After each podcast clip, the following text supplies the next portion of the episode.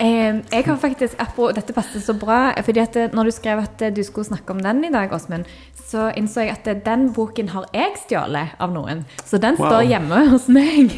Men eh, den har jeg stjålet fra en, en tidligere elsker. Aldri gitt den tilbake. Eh, jeg har lest den, husker ingenting. Jeg har så mange spørsmål. Men nå ble jeg inspirert til å lese den igjen. Så dette viste seg å være liksom stjålne bøker-podkasten òg. Hei og velkommen til Sølvbergets podkast. Det er veldig kjekt å være i gang igjen eh, etter sommeren. Og vi har en spesialepisode i dag, kan vi si. For vi har beveget oss i eh, luftlinje eh, østover til Storhaug og til leiligheten til Hanna Ersland. Um, som i tillegg til å by på lokale og byr på frokost. Så dette er jo magiske Hanna. Er dette noe som er kommet for å bli, eller er det bare én gang i, i sesongen? Altså, Så langt er det jo veldig hyggelig, så jeg håper at vi får til å gjøre dette igjen. Og så har jo alle tatt med masse godt til frokosten, så dette er en veldig koselig start på dagen. Og så er det så koselig her. Alle oss har bare lyst til at uh, eh, Sølvberg skal flytte inn her.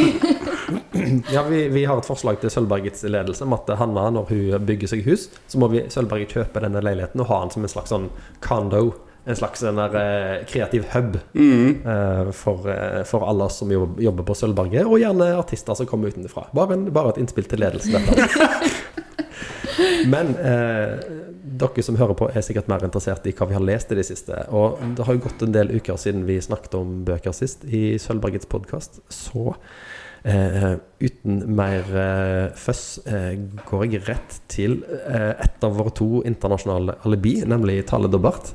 Eh, Tusen takk. ja, eh, hvor har du vært i sommer? Hva har du lest? og likte du det, og hvorfor?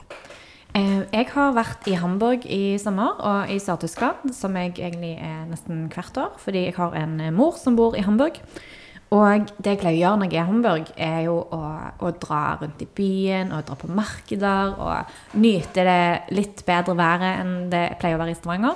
I år så føler jeg meg sinnssykt snytt og var kjempesur fordi det har vært dritstygt vær i Tyskland hele sommerferien min. Men, men, unnskyld meg, Hamburg ligger jo nesten i Danmark. Det, og, der, og, og jeg har vært i Danmark i, i sommerferier før, og der har jeg alltid blitt klissvåt. er det sant? Alltid hatt dårlig vær i Danmark. Ja. Og Hamburg er jo eh, Ganske, ja. Men det er ganske mye lenger sør enn Stavanger. Ja, ja. Ok. Ja. Så, men det som er fint med eh, der, er jo selvfølgelig at da har man en perfekt unnskyldning til å gå i bokhandler. Og det pleier jeg å gjøre. Jeg har et par favoritter i, i Hamburg. Eh, og nå kom jeg på at jeg har jo et mål om at eh, alle lytterne våre skal sende masse mail til eh, e-posten til- som Åsmund har lagt, eh, med alle slags innspill. Så hvis noen lurer på et godt tips til en bokhandel i Hamburg, så er det bare å sende mail til Eh, Podkast og så skal vi svare dere. I en av disse bokhandlene så har jeg spurt om anbefalinger. Og da fikk jeg anbefalt eh, en sveitsisk forfatter som heter Julia Weber. Og jeg har lest boken hennes som heter De fem en gang, på tysk. Og den har satt seg så sinnssykt hos meg. Jeg elsker denne boken.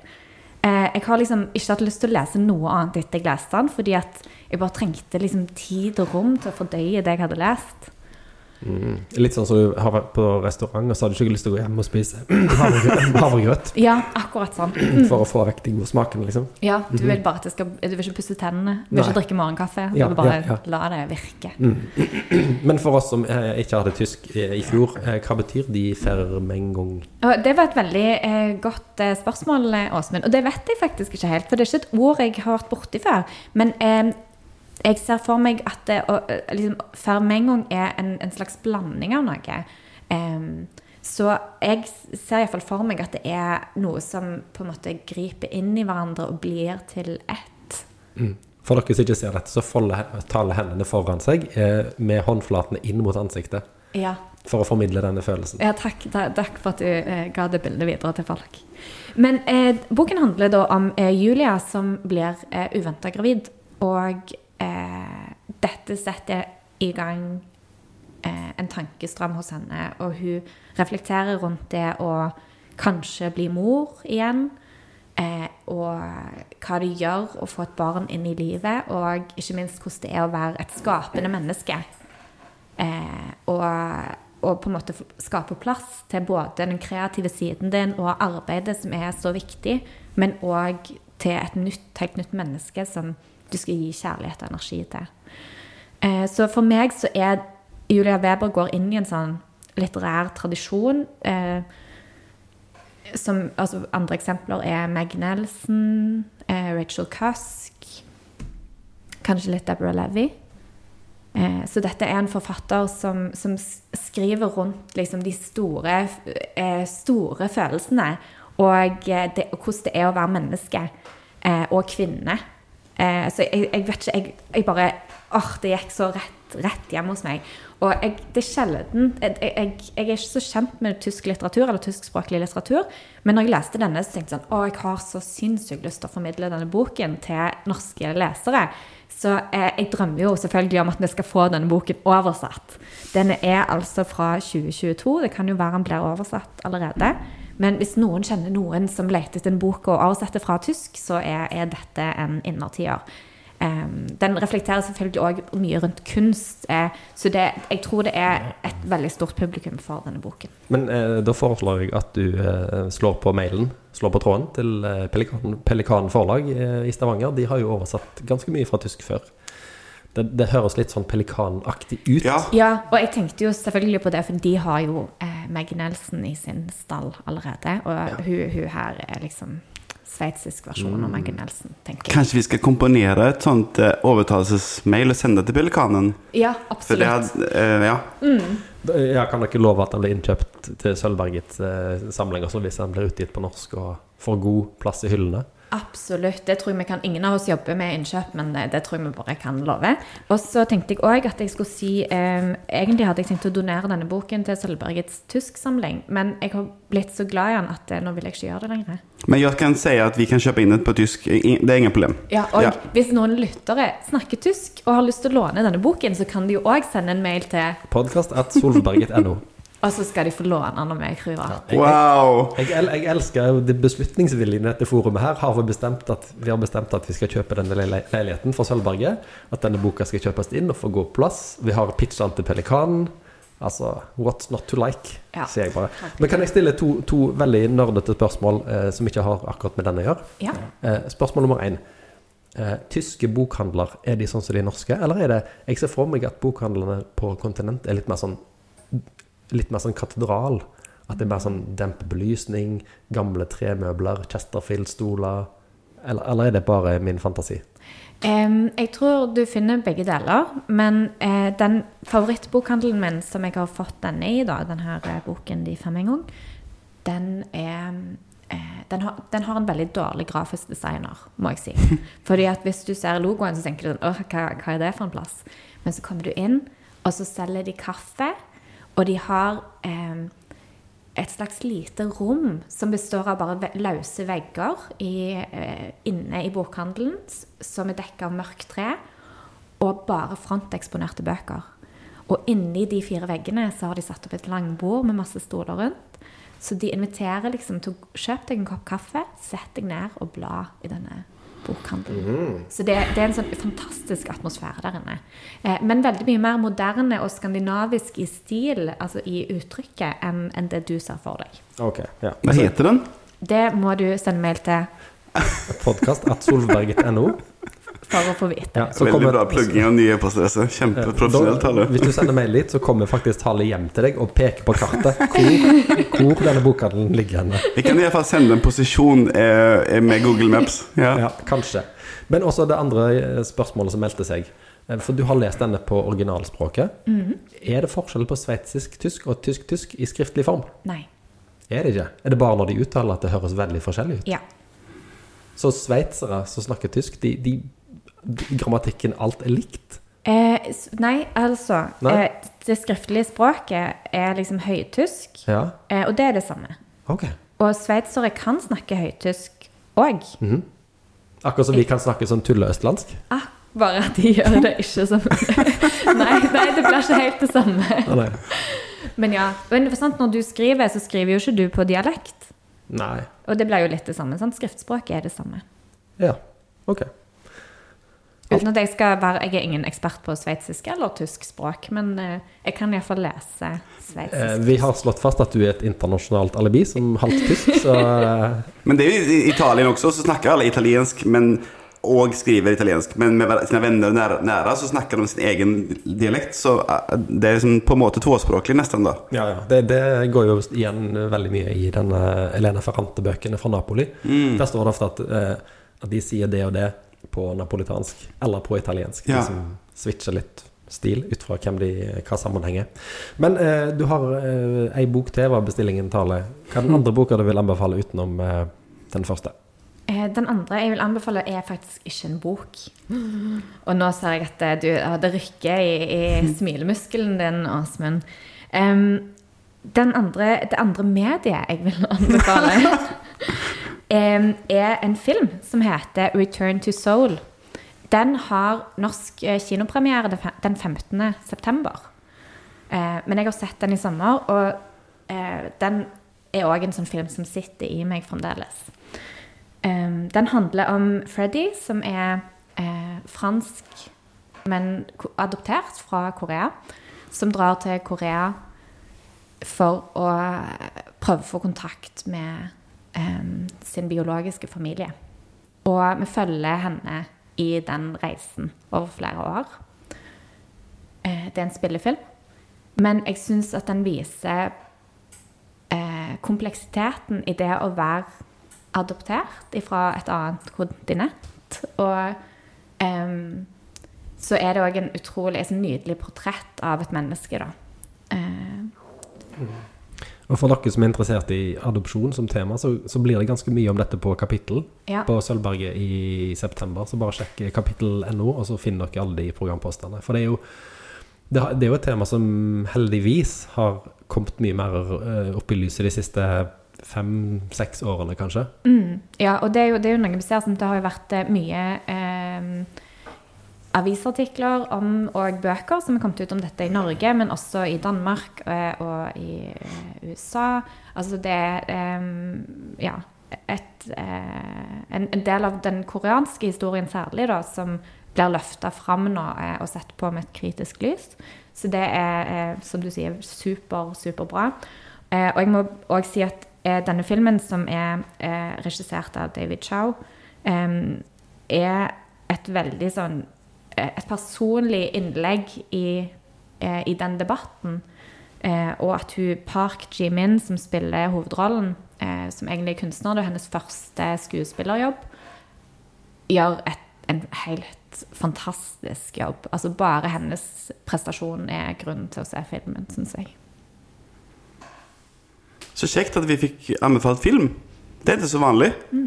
Veldig kjekt. Og så jeg tenkte, jeg tenkte bare Det som slo meg når du snakket om det med adopsjon, da, er han Hva heter han? Brynjulf um, Kjønn? Jung Kjønn. Ja. Ja. Uh, som skriver om, om adopsjon Å å være adoptert og aldri Aldri se ut som de andre, og liksom på en veldig sånn personlig måte, som er, er sånn sterkt og superrelevant, for han lever, han lever her og har likevel eh, mange av de samme refleksjoner, liksom. Eh, da går vi samløst over til deg, Thomas. Eh, du har òg med deg to bøker, ser det ut som. Ja, men det er ikke sikkert jeg skal snakke om dem. eh, alltså, ja, for jeg syns Ok, ehm, nå skal vi treffes her, og det, ehm, eh, detta har alle oss gledet veldig til hela sommeren, Hva skal vi gjøre? Og så har jeg liksom lest Jeg har lest veldig mye, men jeg har lest eh, mest krim. Og vi skal lage en egen krimpodcast, så jeg hadde lyst til å snakke om noe annet enn det. Um, og så lurte jeg på sånn om jeg skulle snakke om Deborah Levi, fordi jeg har lest eh, hennes eh, August Blue, som er hennes nyeste. Eh, og hun har sånn evig, sånn magisk sommerfølelse i sine bøker. Eh, uansett, for hun er sånn en superinternational forfatter, føles det som. At, eh, så reiser hun litt til Hellas, og så litt der. Og så, hun har sånn varm, magisk følelse i sine bøker. Eller skal jeg snakke om Maggie Nelson, The Red Parts, som er en sånn slags biografi om hennes tante som ble drept, og rettssaken om det. Eh, eller skal jeg snakke om Bli hos meg, eller skal jeg snakke om eh, et, en svensk bok som heter Et system som er så magnifikt at det blender. Ehm, og de to er sånn rake motsatte til hverandre. For Bli hos meg er en sånn bitte liten eh, del av et liv. Eh, noen, noen få måneder. Eh, og et system, som jeg fikk til Blender er en sånn episk, veldig uskandinavisk eh, bok. Eh, med jordens undergang og eh, en trilling som er blitt utbytt ved fødselen. Eh, og så eh, så bestemte jeg meg for at jeg skal snakke om den svenske Et system som Magnifica til Blender. Og så den, bok nummer to eh, var hard konkurranse. Men så ble det eh, For jeg vil også eh, bare nevne 'Fjellet, geværet og vannet'. Som er en helt ny, helt, helt ny eh, knallrosa bok. ehm, som ikke jeg husker forfatteren til nå, kan vi bare klippe det inn. eh, og så, men så vant Daniela Krien med en bok som heter 'Brannen'. Så eh, hun, er, hun er, ble ganske kjent for den boken som heter 'Kjærlighet til nødsfall'. Eh, og Lars Ramsli heter boken, eh, er forfatteren til 'Fjellet, geværet, vannet', som er en fantastisk, nydelig bok om en far som er, er ko-ko eh, og prøver så godt han kan, men det er ikke godt nok. Eh, og han ødelegger for seg selv og andre. Den, den, den er en fantastisk bok, den kan jeg anbefale. Men nå snakker vi om den gjelder Eh, det, det er sånn eh, Det er også en sommerfølelse i boken. Det handler om et ektepar. Og så tenker jeg alltid at jeg skal si at et litt eldre ektepar, men det stemmer jo ikke, for de er bare noen år eldre enn meg. Og jeg, jeg er jo ikke litt eldre. Eh, de, jeg, jeg, jeg, jeg tror at de nevner hvor gamle de er, men si at de er et sted i 50-årene, for de har barn som er stort sett voksne. Sant? Eh, og de har liksom hatt eh, et ekteskap eh, som Der de, de har liksom holdt sammen. Barn er takknemlige for at de har holdt sammen, men det, det er noe slags sånn Det skurrer litt. Og de har på bare sånn, sånn klisjé at de har vokst ifra hverandre, på en måte. Men så er det veldig søtt, for de, har, de gir ikke opp. Og de prøver, og rett som det så har de sex, og, eller så snakker de ikke sammen, eller de har veldig sånn eh, fram og tilbake, og det, eh, det Jeg har ikke lyst til å spoile noe, men det er mye sånn veldig store følelser med eh, folk som er skadet av sin oppvekst. Eh, eh, fruen, fruen i familien, da, eller, som er på en måte hovedpersonen, hun, hun forteller mye om sin mamma og sin mormor, og hvordan det har vært å vokse opp sånn. Og at hun merker at hun også har hatt avstand til sine barn. Og så er det veldig så innsiktsfullt fortalt om hun satte bort sin datter for å kunne ta utdanning og gjøre karriere. Eh, og så sitter det Ja, det, det, det, det er veldig lite og stort samtidig. Og det er òg sånn, et mysterium inni der om, om opphav. Sant? Fordi Ja. at hovedpersonen vet ikke hvem faren er. Em, så jeg syns at det er også er en veldig ubehagelig bok med et sånn mysterie i bunnen. Ja, jeg, jeg, jeg, jeg, hadde ikke brukt ordet ubehagelig, men jeg er enig. For henne er det ubehagelig. Altså, det, det er noe som er utrolig til stede, for hun tror jo at hun vet hvem faren er. Vi tenkte si noe om det sånn sett, men hun tror jo det. Men hun, hun har aldri kommet seg for å spørre eller uh, grave i det, på en måte. Og det er så sinnssykt til stede i hele hennes liv. At hun, selv om hun jo er, er liksom, i 50-årene, så er, er liksom pappa liksom, Hvem er min pappa? Og ja. Men når jeg leste denne boken, så hadde jeg en sånn følelse av, eh, som det ofte er i Tyskland da, med været, at det, at det er veldig trykkende før eh, det kommer et uvær. Eh, sånn trykkende sommerhete. Og det føler jeg er liksom den følelsen i brannen av den lille krigen. At eh, du bare venter, det trykket. det er så mange eh, relasjoner som, som er rett før et bristepunkt og en veldig stor eh, konflikt. Og du, altså det er det jeg mener med ubehagelig, da, at det er liksom et trykk i romanen, og du bare venter på at eh, ting skal Ja, det, det, eksplodere. Ja, det er kjempegodt observert. Det, det er akkurat sånn det er for alle relasjoner. Eh, Altså far og, far og eh, eh, sønn og mor, datter og mor, ekteskapet, altså deres venner som de låner huset til. Allting er liksom sånn Sitter og vibrerer på kanten. Og jeg, jeg antar at brannen er det Dresden som brant ned under verdenskrigen, f.eks. For, eksempel. for det, de snakker ikke om hvorfor den heter Brannen, men de snakker mye om at Dresden, som de kommer fra, eh, nesten hele Dresden er borte. Eh, på grunn av at det ble liksom fullstendig bomba sønder og sammen eh, under krigen. Eh, det, er veldig, det er også veldig til stede i boken. Eh, og alle som har vært i Dresden, vet jo de har gjort en god jobb med å bygge det opp. Det er veldig fint nå, men det er jo ikke gammelt. De har bygd opp i gammel stil, på en måte. Men det, det er veldig sånn overraskende og eh, la, litt, på en måte litt sånn ikke så kjent. Eh, men det kan hun godt bli, Daniela Krien. For det er veldig, det er veldig sånn Og det er lett å lese. Og liksom eh, snike seg litt inn på hvor store ting hun behandler, på en måte. Og så er det den her svenske boken. Eh, Amanda Svensson. Eh, Et system så magnifikt at det blender. Den heter jo noe på norsk også. no- Veldig likt. Et system så magnifikt at det blender. Eh, Magnifikt er et av de fineste svenske ordene. Er det, er det storslått, er det på norsk, tror Ja, jeg. Det, magnifikt høres mye mer sånn europeisk og tøft ut. En storslått er mer sånn en, eh, en bonde som har en storslått låve. Ja, Magnifikt er bare os av eh, gammel kultur, liksom. Ja, men det svensk, er, svensk er jo et mye sånn svulstig språk. Det, er liksom, det, det føles som det er nære til eh, store ord.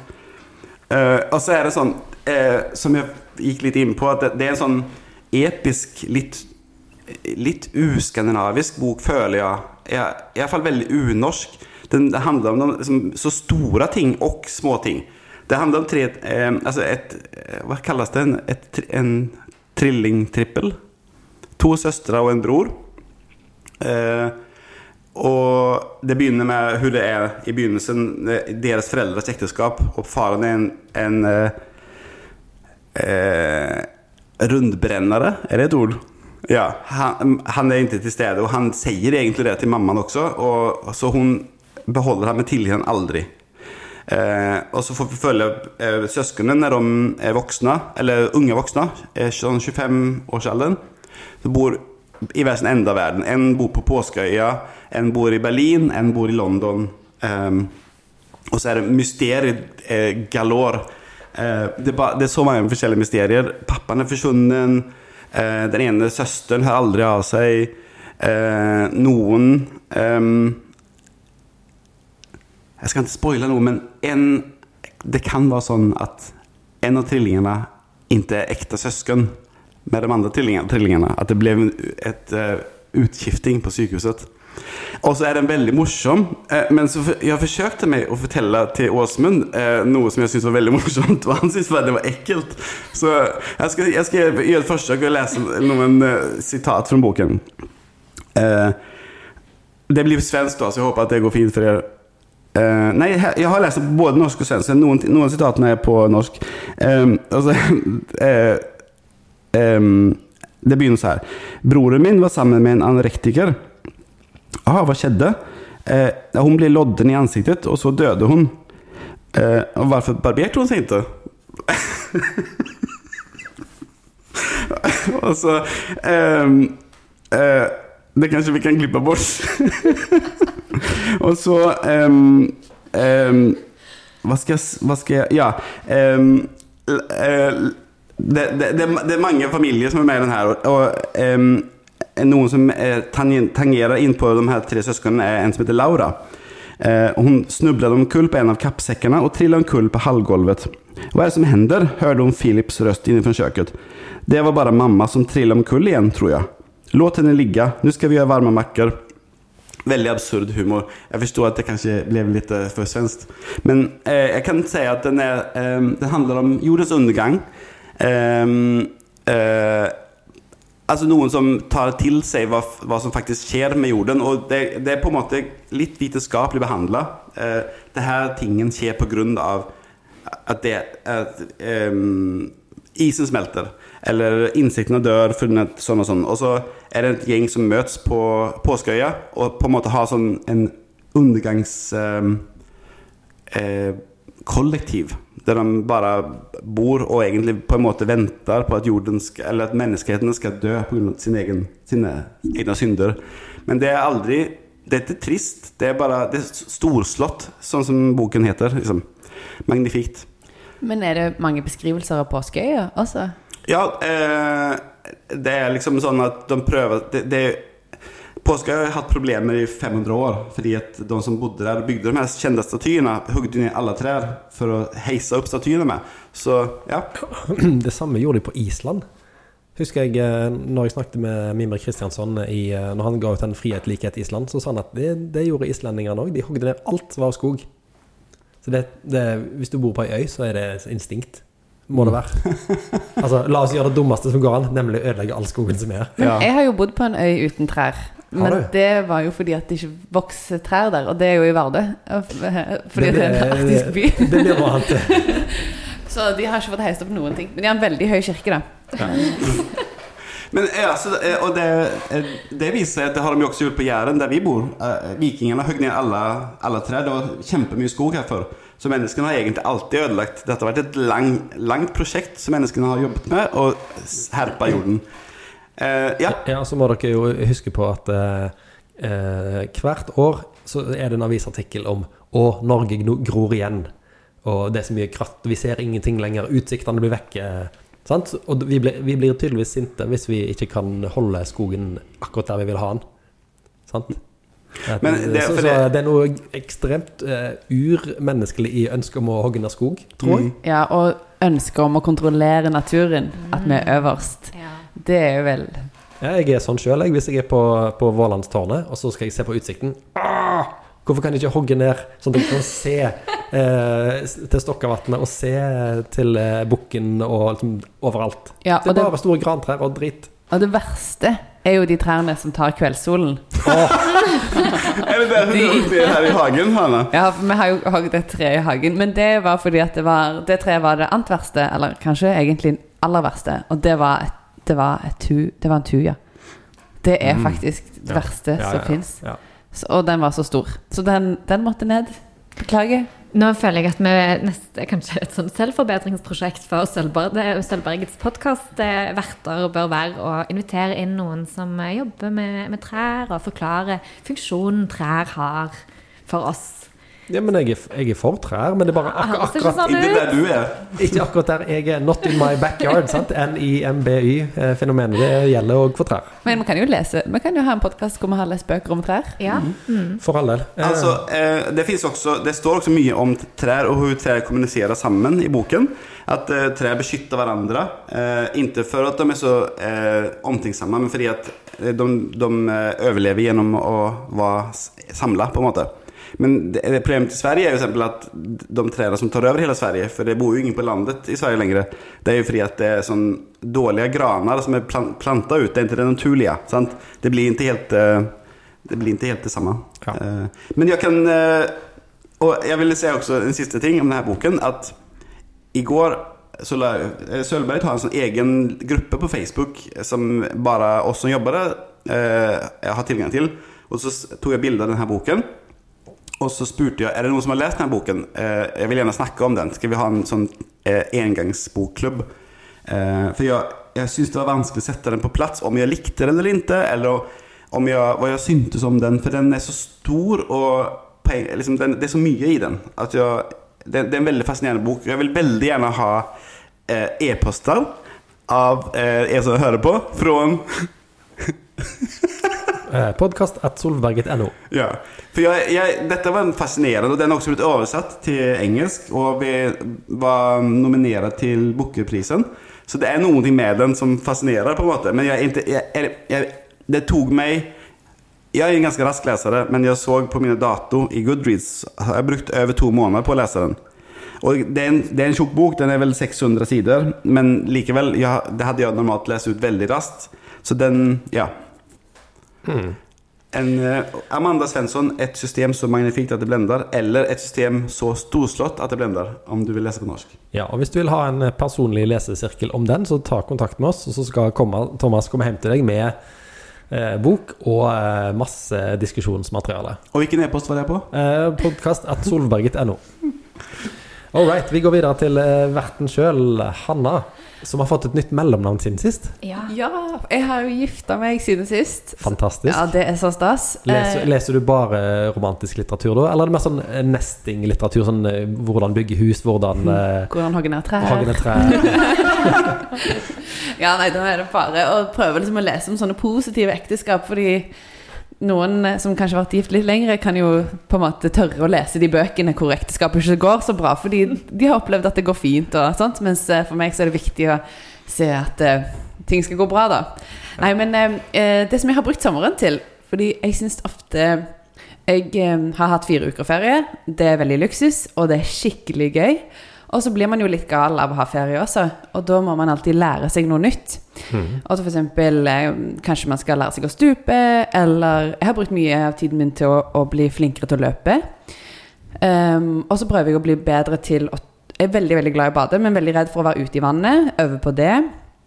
Og så har jeg lest nye sjangre, og det er gøy. Ah. Og en sjanger som jeg har eh, Altså jeg har lest litt av før, selvfølgelig, er jo tegneserier. Var veldig glad i Daniel Cloves, f.eks. Ghost World og sånn type tegneserie.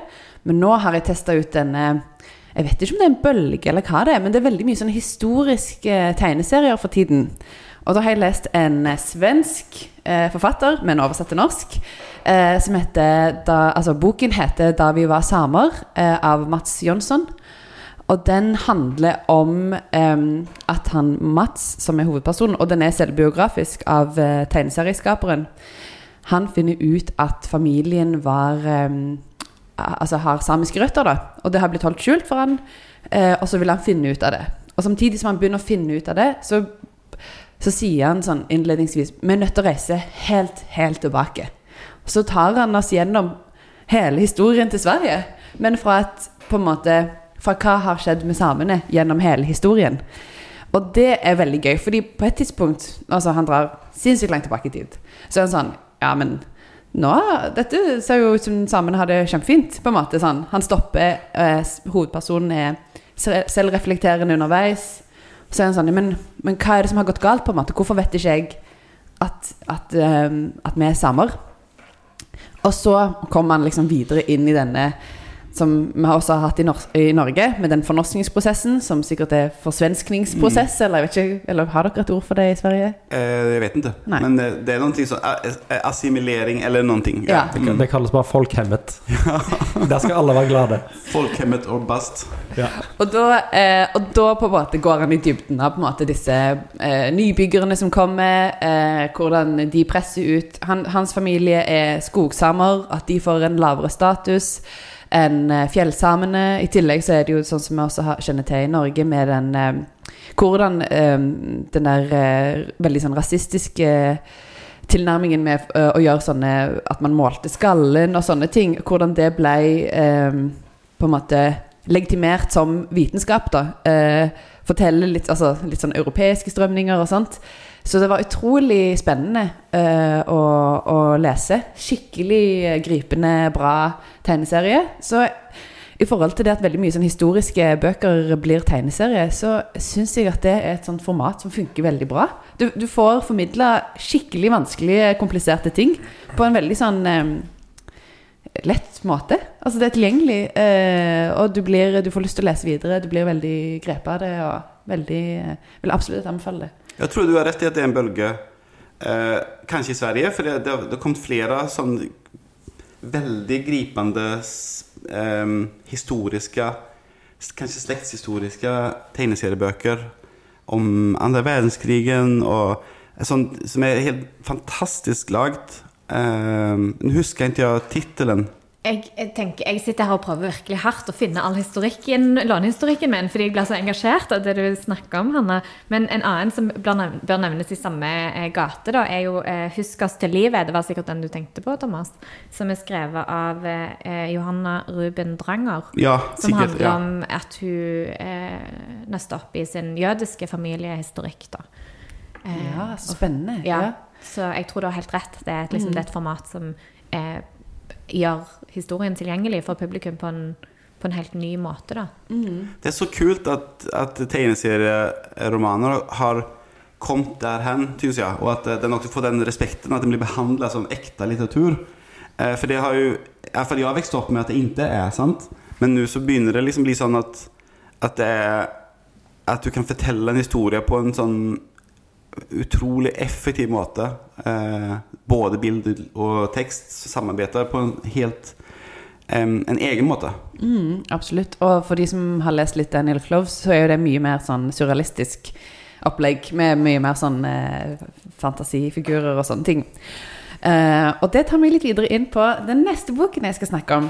Og det er at jeg har lest science fiction, og det har jeg det har jeg null forhold til. Altså, jeg har nylig altså, Jeg vet at det er forskjell på science fiction og fantasy, uh, men for å understreke hvor lite jeg kan om sånne her ting, så har jeg aldri sett Star Wars, og jeg har nylig sett 'Ringenes herre' for første gang. Altså, jeg vet Det er sikkert ikke noen sammenligning her eh, i det hele tatt, men jeg føler det er sånne ting som folk har gjort i løpet av livet sitt.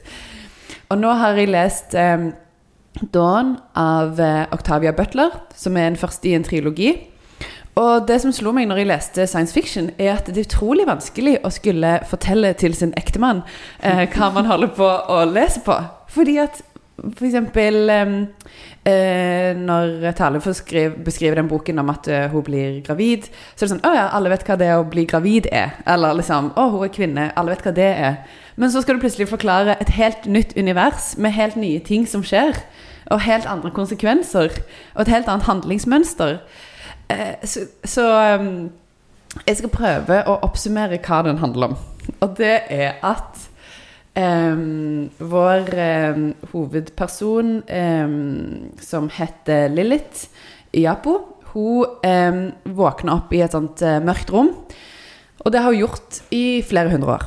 Og så En dag så er det en ekstremt ubehagelig skummel skikkelse der, som er en Oankali. Og den er ikke et kjønn. Um, og Carlin forteller at eh, jorden er ødelagt, men de har uh, eh, redda noen uh, mennesker. Og de skal lære dem opp igjen i å kunne komme tilbake til, til jorden. Uh, men dette må øves på, de må lære seg å tilpasse den nye jordkloden. da.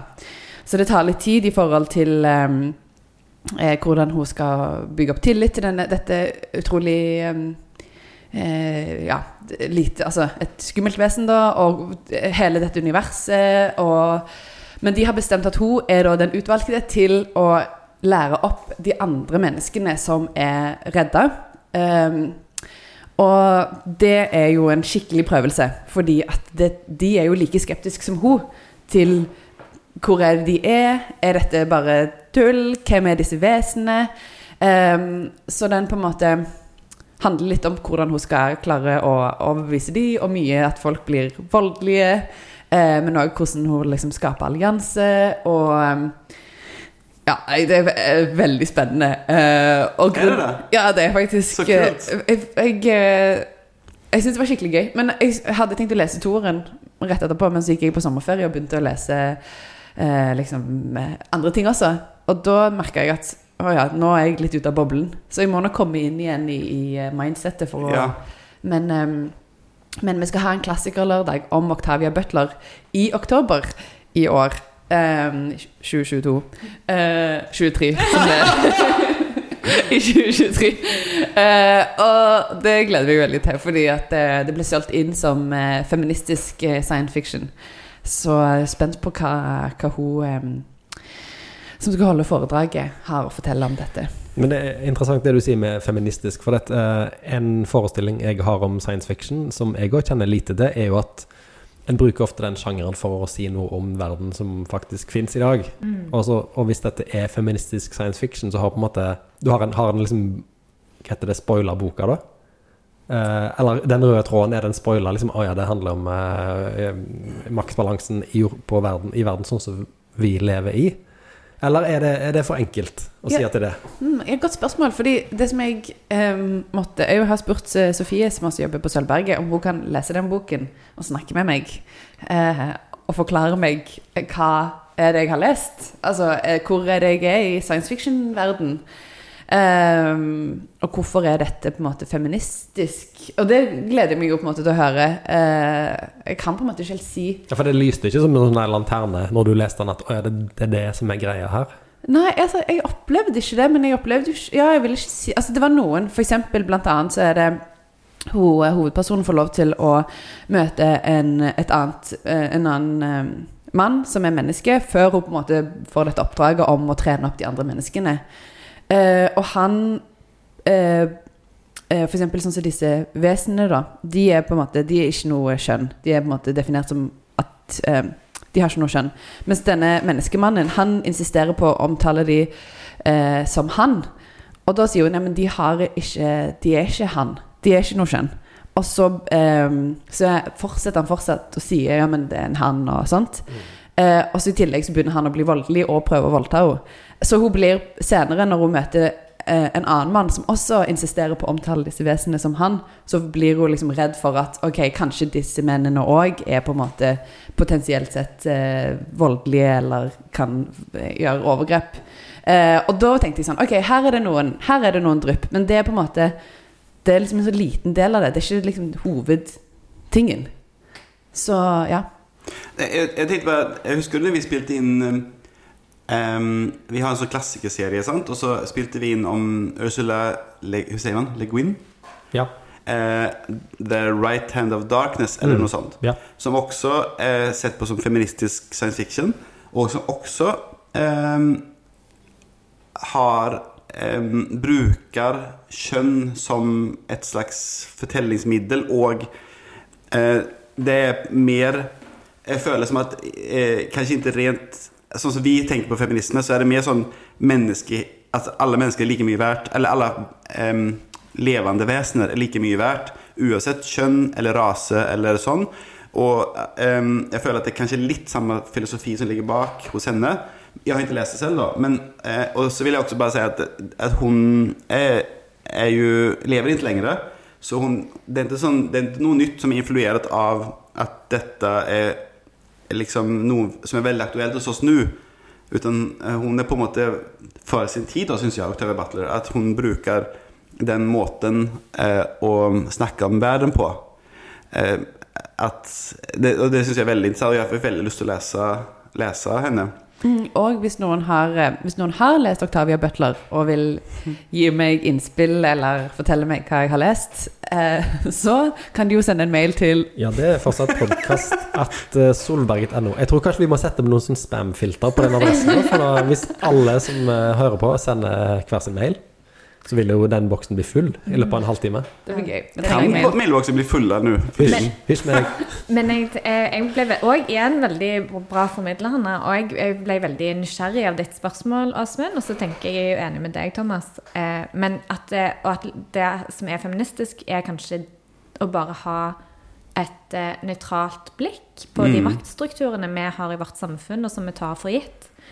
Eh, og sant, Når denne eh, mannen, menneskemannen insisterer på å kalle de for han, handler jo det om makt. Sant? Det er noen som har makt over han, og da må det være mannlig. Eh, så det er jo et sånn, Jeg ble veldig, veldig interessert. Gleder meg til klassikerlørdag om dette temaet. Ja, det blir bra. Yes, eh, da har vi kommet runden rundt, og vi har holdt på å snakke en stund, så jeg skal ikke snakke lenger om mine to bøker. Um, men det er altså sånn at eh, hver sommer så er jeg på ferie på Nordmøre i et, ei uke eller to. Um, på Averøy. På Averøy fins det et kjøpesenter som heter Knutepunktet. Men vi som har vært der på ferie, kaller det fortsatt bare for ABC-senteret, for det heter det inntil 2010. Sånn blir det når man blir gammel, så, det, så, så bruker jeg navnet som var før. Inne der så er det stadig utskiftning av eh, butikker. Men en butikk som har vært i ganske mange år, er ei sånn gjenbruksbu. For eh, jeg tror det er noe Misjonssamband eller noe sånt. eh, Som ligger midt i kjøpesenteret. Og det du gjør da, at du går inn, ser hva de har, og så tar du det med deg, det du vil ha, inn på blomsterbutikken som ligger ved siden av. Og så må du betale kontant, Oi! så vidt jeg kan huske. Eh, Så det er jo et ritual for meg å gå innom den bruktbua der og kjøpe et par bøker og lese de i ferien. Det er litt sånn som når du kjører rundt utenfor Stavanger. At folk selger poteter, og sånn, og så betaler du liksom Det er sånn trust uh, ja, Du må regner med at det går bra. Og det, det er veldig interessant å, å stikke innom der, for dette du Det er det, Bokavdelingen der er en sånn tidskapsel eh, for et lese-Norge som ikke fins lenger, tror jeg. Altså det er liksom bokklubb-bøkene havner der. Så du finnes, finner alltid mange selvbiografier av eh, Gro Harlem Brundtland. Eh, du finner alltid eh, ganske sånn kule, fine cover fra 70-tallet og 80-tallet, nesten ubrukte. Så det gjør jo at jeg alltid kjøper noen av de. Eh, så har jeg òg en, en, sånn, en sånn idé om at hver gang jeg ser eh, romanen 1987 av Dag Solstad, så kjøper jeg den. Eh, jeg, jeg, har snakket om den tidligere i Sølvbergets podkast. og jeg, leste den jo første gang da jeg var 18. Eh, da hadde jeg et veldig sånn eh, ønske om å være en ung intellektuell, uten at jeg egentlig var det. Men, da tenkte, men Dag Solstad var på en måte en um, inngang til det, da. Det ble på en måte en, eh, bred, en um, døråpner. For han visste jeg var en stor forfatter, og jeg visste at det var ikke så mange andre på 18 år som leste han. Så, så jeg leste romanen 1987 første gang da jeg var 18 år.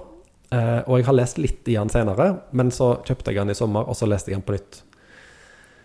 Og da er jeg på det punktet at eh, det er kanskje ikke så lurt å gjenlese ting som var stort i ungdommen. Eh, mye av det som var blåst meg av banen eh, i 1994, det gjorde det ikke i 2023. Eh, det var I dag så framstår han som, som til dels eh, bra, men stort sett enormt uredigert. Og litt for mye styrt av eh, forfatterens eh, lyster, kan jeg si det sånn. Det var kanskje det jeg syntes var så gøy når jeg leste den da jeg var 18 år. At eh, jeg, jeg tenkte at wow, er, det, er dette lov i en roman å skrive eh, 15 sider om skøyteresultater bare sånn for det du vil? Eller skrive, hive inn 10 sider om eh, ens eget forhold til religion, og så ha 40 sider om eh, en intellektuell i Bergen på 1500-tallet, og så beskrive i detalj, ekstrem detalj, hvordan en lager kartong på en fabrikk på 70-tallet. Men det var dette som appellerte til meg når jeg var 18, men, men nå så ble det mer sånn Kom igjen, da. Men jeg, tenker, det er jo det som er litt gøy når man finner ut av litteratur som man liker på en eller annen måte. Altså det, sånn som du sier at, det, at det, mm, det fascinerte deg da fordi at du var Er dette lov?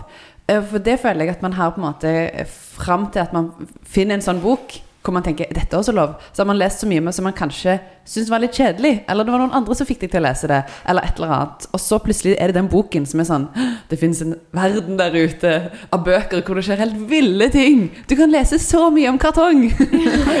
Ja, det er enormt mye om kartong. Og, og liksom, boka slutter med en forferdelig lang eh, sånn slags flørt eh, En seig, seig flørt mellom en gammel eh, lektor og en ung student. Og det, får, det pågår, det pågår, det pågår. Det er liksom ingen erotikk, det er ingen spenning, det er ingenting gøy. Det er bare sånn Det er litt som å se femmila på ski. I, eh, at du bare har lyst til at det skal ta slutt. Så, er det på vinteren, sånn at snottet fryser i skjegget, eller? Det henger. Den pågår over så lang tid at jeg tror det er både vinter og sommer og vår og alt mulig. Og det, og det skjer på Lillehammer i tillegg, sant? hvor det er sånn kaldt og det er sånn guffent. Og det Så jeg elsker Dag Solstad, men akkurat den boka eh, gjorde mer inntrykk da enn jeg gjør nå. Skal du slutte å kjøpe alle du ser nå? Eh, Jeg må kanskje late som jeg ikke ser dem neste gang jeg er på den bua. Så Jeg vil også ha en sånn bok. Men hvor mange eksemplar har du? Nei, jeg har jo bare den på Averøy, så har jeg ei stående eh, i bokhylla hos meg sjøl. Den stjal jeg faktisk fra Sølvberget, den jeg har hjemme hos meg sjøl. Men eh, det, jeg har, jeg har eh, alibi, eller jeg har, jeg har grunn, for dette det var en sånn lilla, knæsj lilla praktutgave. Det, det er ikke en gru- at du har lyst til å ha noe, er det en grunn til å stjele det. Hva heter det? Overruled. Det, dette var på den tida hvor Sølvberget solgte masse av bøkene våre i første etasje sånn en gang i året. sant? Da, da, da lempa vi jo masse bøker på, på bordene, og så kunne alle som ville ta de og kjøpe de for en billig penge. Og dette var ei bok uten strekkode. Den hadde aldri vært innbundet, aldri vært plastra og sånt. Og den var gitt ut til om det var tiårsjubileet eller noe sånt for den boka i 1997. Med forord av Jon Fosse. Og ikke sånn luks, oh. luksusutgave. Og den har jeg stående i hylla. Den har jeg aldri åpna. Den, den skal bare stå der. Ok, nå tenker jeg liksom, altså Hvis noen Sølv- eh, Sølvberget-lånere har veldig lyst til å lese den boken nå, så bør de sende mail til Veldig bra tale. Det, det er greit. Send mail til podkast.solberg.no, så kan dere få lov å ta på dere hvite hansker og bla i den eh, Dag Solstad-boka som jeg har redda fra Sølvbergets eh, hvelv. Og jeg har hvite hansker tilgjengelig fordi jeg har jo tidligere vært samlingsforvalter, så jeg kan eh, bistå med hvite hansker. Hanna er museolog Mm. ja, ja. og bibliotekar. Mm. Men eh, så gjorde jeg enda et sånn eh, blast from the past. eh, For det er jo det sommeren er til for. Sommeren er jo til for å gjøre gamle ting om igjen. Eh, og det var da Ja, det er jo det. En drar jo stort sett tilbake til der en har vært før. Og vi spilte jo inn en podkast i, eh, i juni om Bridget Jones. Og vi kom til en slags sånn woke clinch, jeg og Tale. Ja. Hvor jeg syns at eh, folk må bare ta seg sammen. Alle under 35 må ta seg sammen. Eh, så da gikk jeg tilbake og oppsøkte boka som rett og slett heter 'Generasjon X' av Douglas Copeland. Og den alle, Det er jo blitt et begrep, generasjon X. Det kommer fra den boka. Og når jeg nå fant den fram igjen, eh, så tenkte jeg at han har virkelig ikke hoppa på muligheten til å bli en sånn type i media. Han kunne, han kunne liksom bare reist rundt og holdt sånne TED-foredrag om Generation X og What Happened og Where Do We Stand? Men eh, jeg tror han bare lever livet som en ganske sånn stillferdig kunstner i Canada. Eh, mest, mest kunstner, litt forfatter. Um, og den boka den står ikke oppe i, i eh, våre publikumslokaler engang. Den er stua ned i magasinet. To etasjer under bakken står boka som heter Generasjon X, som jo definerer de som er født mellom 61 og 81, eller hva det er for noe. Eh, Men òg med Solstad-opplevelsen i minnet, så tok jeg den fram, leste den igjen, og den hadde holdt seg. Den var, og den er ikke ironisk. og sånn det er ikke sånn Harald Eia eh, le av de gamle, le av alt som er hellig-type. Det er en en ganske sånn sår og treffende skildring av den, akkurat det der øyeblikket i livet hvor du eh, lurer på om det kommer til å gå bra. Altså når du, når du liksom bikker voksenlivet og kanskje føler liksom at eh, støtteveggen rundt deg har forsvunnet, eller at du er på egen hånd, og det er du som må skape meningen, og det er du som må skape framdriften. Um, og, og selvfølgelig det er ma- mange innvendinger mot den. Den er f.eks. skrevet i en verden helt uten eh, metoo eller eh, raseproblematikk eller eh, eh, angst for eh, global oppvarming eller eh, krig eller noen ting. Men han er skrevet på en måte akkurat på det punktet i historien hvor det gikk an, da, i 1991. Så eh, hvis jeg vil gå til kjernen av generasjonen X-grepet, så lån denne boka. Og, og det som også er kult med han, er kult Jo, han er litt tidlig ute med det å være det som Nå kommer sånn norsklærersmisk her. Multimodal tekst. For du har Det er en litt sånn, bre, litt sånn kvadratisk bok, med teksten er liksom inn mot midten. Og på sidene så er det ofte sånne ordbokforklaringer på sånne uttrykk som de bruker. Eller så er det sånne små Akkurat som memes. Inst det, det kunne vært Instagram-poster, alle de som står på sidene med sånne eh, Dere vet sånne tegneserie 50-talls tegneseriefjes som sier noe helt sånn som ikke står i kontekst med 50-tallet. Men eh, ja. Så eh, les den. Eh, samme hva dere syns om de som er akkurat fylt 47. Eh, jeg har faktisk, apropos, Dette passer så bra. fordi at eh, når du skrev at eh, du skulle snakke om den i dag, Åsmund, så innså jeg at eh, den boken har jeg stjålet av noen. Så den Wow. står hjemme hos meg. Men eh, den har jeg stjålet fra en, en tidligere elsker. Aldri gitt den tilbake. Eh, jeg har lest den, husker ingenting. Jeg har så mange spørsmål. Men nå ble jeg inspirert til å lese den igjen. Så dette viste seg å være liksom stjålne bøker-podkasten òg. Jeg har ikke stjålet noen bøker. Ja, så hvis du er Tales tidligere elsker og vil ha boka tilbake, så, Så sender, du sende mail. så sender du mail til podkast.solberg. Tenk på at det er Åsmund som åpner mailen.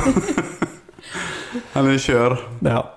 Alltså jag har, jag har aldrig läst den. Jag har läst av alla ting. Han har skrivit noen andre bøker også. ja, det må jeg si. Og han er på en måte skjøvet ut av eh, det litterære selskap. Men jeg har lest et par av de andre bøkene han så. De er veldig fine.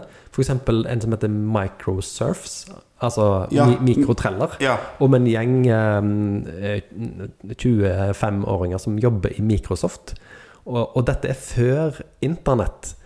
Så de, de på en måte føler at de er en del av Bill Gates sin store, ivrige, idealistiske hær som skal skape en bedre verden ved hjelp av programmering. Veldig fin bok. Hvis dere får tak i Microsurfs og har lyst til å lese om dataprogrammering før eh, data ble eh, pur ondskap, eh, i hvert fall sånn som de sjøl oppfatter det, så, så, så skaff dere den. Men nå tror jeg vi må begynne å avslutte, for jeg begynner å bli så utrolig sulten. Vi skulle jo egentlig eh, spise først og eh, snakke etterpå. Men så ombestemte vi oss, og nå angrer alle. Ja. Dette var jo sykt koselig, da. Hæ? Ja, tusen takk for Dette skal snakket. vi gjøre hver dag. Ja, og hvis dere har hengt med så langt, så vil dere være glad for å høre at det kommer mange eh, nye formater, kan vi si det sånn, på podkasten vår i høst. Ja. Hvis eh, kalenderen vår og helsa og alt holder, så skjer det. Vi gleder oss. Yes. Jeg vil bare si en setning til forsvar for min bok. Og det er at jag eh, gjorde en dårlig jobb med å snakke om den svenske boken. Og at den egentlig er veldig spennende og mystisk. Og som ett, nesten som en, det går et mysterium gjennom hele boken. Og jeg følte at jeg fikk fram det. De har Eh, navnet, eh, navnet, og fjes, ut på grensa, Thomas. Det er det spørs, spørs hva som skjer nå. Det er tid jeg får være med mer. Nei. Ha det. Ha det.